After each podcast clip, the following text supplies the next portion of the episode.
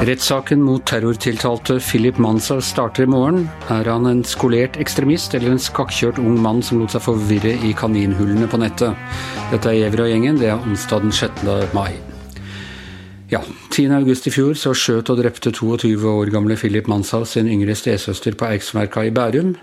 Så angrep han en moské i samme kommune, hvor han ble overmannet av to ubevæpnede menn før han rakk å skade noen.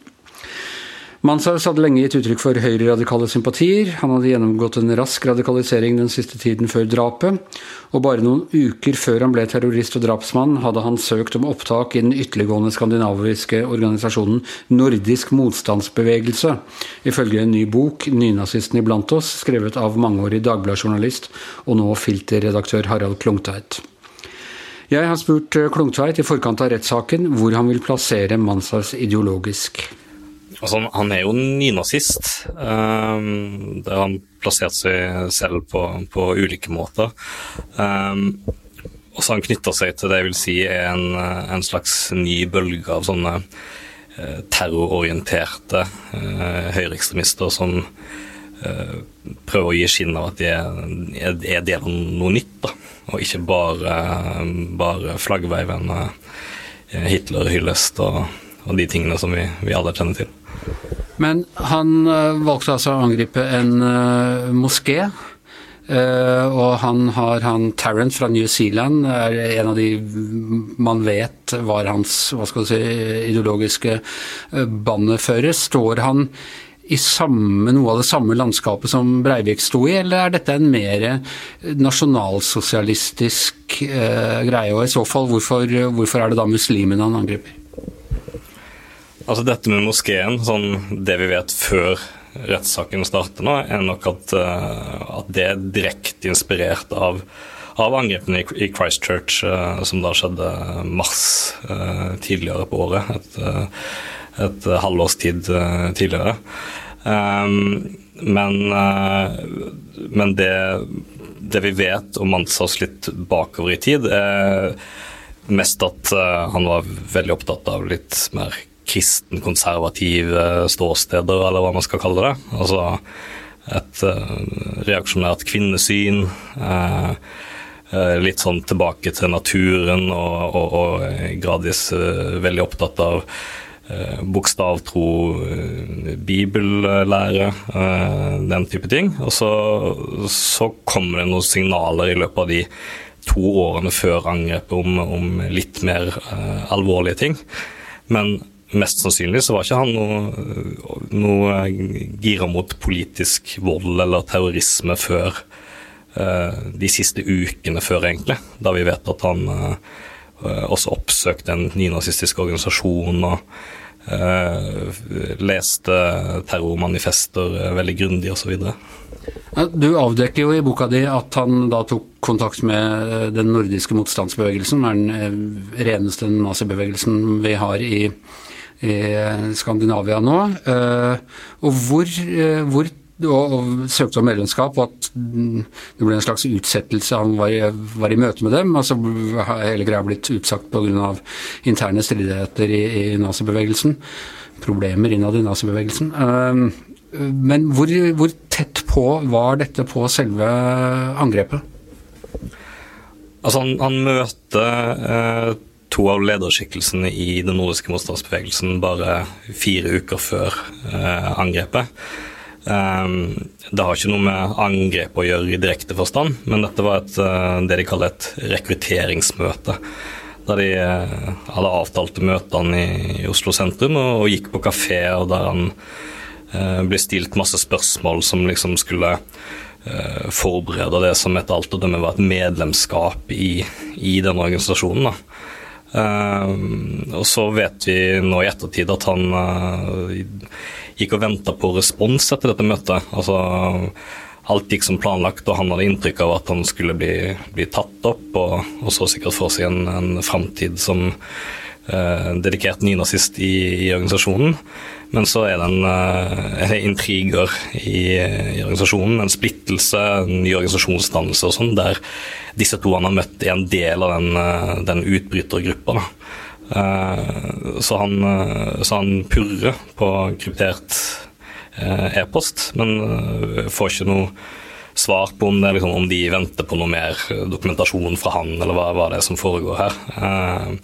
Og fra det da, så går det, da er det bare snakk om et par uker til, til angrepet faktisk skjer. Så det, det, det, foregår jo veldig mye i, i hodet hans i disse siste ukene før. da. Hvordan har eh, nordiske motstandsbevegelsen reagert på dette? Benekter de det, eller eh, hvordan, hvordan reagerte de i det hele tatt på terroraksjonen? Eh, det er todelt, akkurat som det var med, med Christchurch. Altså, på den ene siden så eh, sier de de obligatoriske tingene om at de tar avstand fra handlemåten og fra terrorisme, og at det at det ikke er konstruktivt for saken osv. Men samtidig så, så, går det jo veldig langt i å omfavne begrunnelsene, da. også Manshaus sine begrunnelser for, for hvorfor det bikka for han, hvorfor han i hans øyne måtte gjøre dette her osv. Og, så og dette er ting som de publiserer på eget nettsted. og eh, går veldig langt i å hinte til andre om at uh, dette, er en, uh, dette, er måten å tenke på, selv om liksom terrorangrep ikke, ikke er lov. Men når det gjelder kontakten med Manshaus, så har de jo ja, de har blitt, har blitt tvunget til å bekrefte at de hadde møter og sånn. Og så forsøkte de å etterlate inntrykk av at, var, at, han ikke var bra nok for dem, eller noe i den retning. Uh, men, men, det er jo ikke tilfellet. Altså, det var bare disse, disse intrigene internt sannsynligvis som gjorde at han, uh, han ikke ble medlem.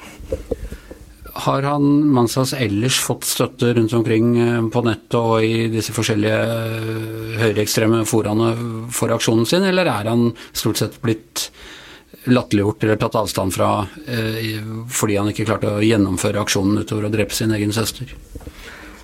Altså, jeg, jeg fulgte med på mange av de mest sånn, ekstreme chatkanalene på, på det som heter Telegram. Um, der det er et, et velde av, av, ulike høyreekstreme fora. Um, der var det selvfølgelig veldig stor oppmerksomhet rundt angrepet når det var midt i nyhetsbildet, når det var uavklart hva som hadde skjedd, hvor mange som kunne være døde osv. Um, og, og sånn innledende hyllester av han der, der det kunne se ut som det var man i Norge hadde lykkes med en, en, en staut nordmann eh, nok en gang hadde lyktes med, med å, å, å, drepe masse muslimer. Um, men når det viser seg at han var liksom blitt overmanna av gamle muslimske menn, og, og alt hadde gått skeis i moskédelen av angrepet, da, så, så, svinner det veldig fort hen. Sånn, han, han er en, en, nobody nå i disse, i disse kretsene. Altså han når, når, norske medier brukte bilder av at han, eh, han viste nazihilsen under fengslingsmøter, så er det sånne korte blaff av oppmerksomhet igjen, der han liksom ja, blir brukt i litt eh, sånne memer og, og morsomheter på disse forumene. Men, men, han har ingen standing når han, altså når han ikke, ikke, klarte det. Så er det heller sånn at han blir glemt så fort som mulig, han, eh, da tjener han ikke den saken som de, de ønsker fremme. Men nå vet vi også at eh, Breivik i den første tiden eh, etter massedrapene, så, så tok de fleste avstand fra ham fordi det ble sett på som for, for ekstremt og, og, for avskyelig. Gradvis er jo han blitt et ikonisk skikkelse for en del av de aller mest høyreradikale organisasjonene. Kan man tenke seg at det vil også skje med Mansa, så at bare det går lang nok tid, så lager man en slags ikonologi rundt dem? Nei, altså fordi drapssifferet ble så lavt. Altså han, han drepte altså i deres øyne, i gåseøyne, bare sin, sin stesøster. Um, så har han ikke noen plattform å bygge det, den mytologien på. da. Um, og det er, en, det er en helt annerledes stemning ute i disse åpne foraene nå enn, uh, enn i 2011. Altså Nå har han en Eh, et, et koldtbord av, eh, av høyreekstremistiske flater der det, det finnes ikke noe som er for ekstremt. Altså her, her snakker vi en, en kakofoni av terrorprat der disse videoene fra Christchurch-angrepet, altså folk som blir meid ned på skytevåpen og ligger og blør på gata og i moskeen og sånn, altså man lager det som små animasjoner, eh, morsomme videosnutter som, som som blir brukt som en, en gag. altså det er, sånn, det, det er, så normalisert, selv de mest bestialske detaljene fra terrorangrepet. og selv Utøya blir også brukt i denne propagandaen og liksom ironiseringen. Um, så det er, noen, det er, ikke noen, sånn terskel mot å omfavne det, det mest gruoppvekkende eller dra på barn eller kvinner eller noe sånt. Det, her handler det mer om at man, man skal dyrke de som har uh, høy high score i antall drepte, da, som, som Breivik er en del av, men som Manshaus heldigvis ikke, ikke ble. I uh, rettssaken mot Breivik så ble jo tilregnelighetsspørsmålet et av de store. To forskjellige rapporter som konkluderte på, på, hver sin måte. Men man regner ikke med at tilregnelighet altså Nå er han kjent tilregnelig i forkant, man regner ikke med at dette blir noe stridsspørsmål i denne saken? Altså, det, det, blir jo interessant å se hvordan forsvarerne eventuelt argumenterer mot det, og hvilke synspunkter han har på det.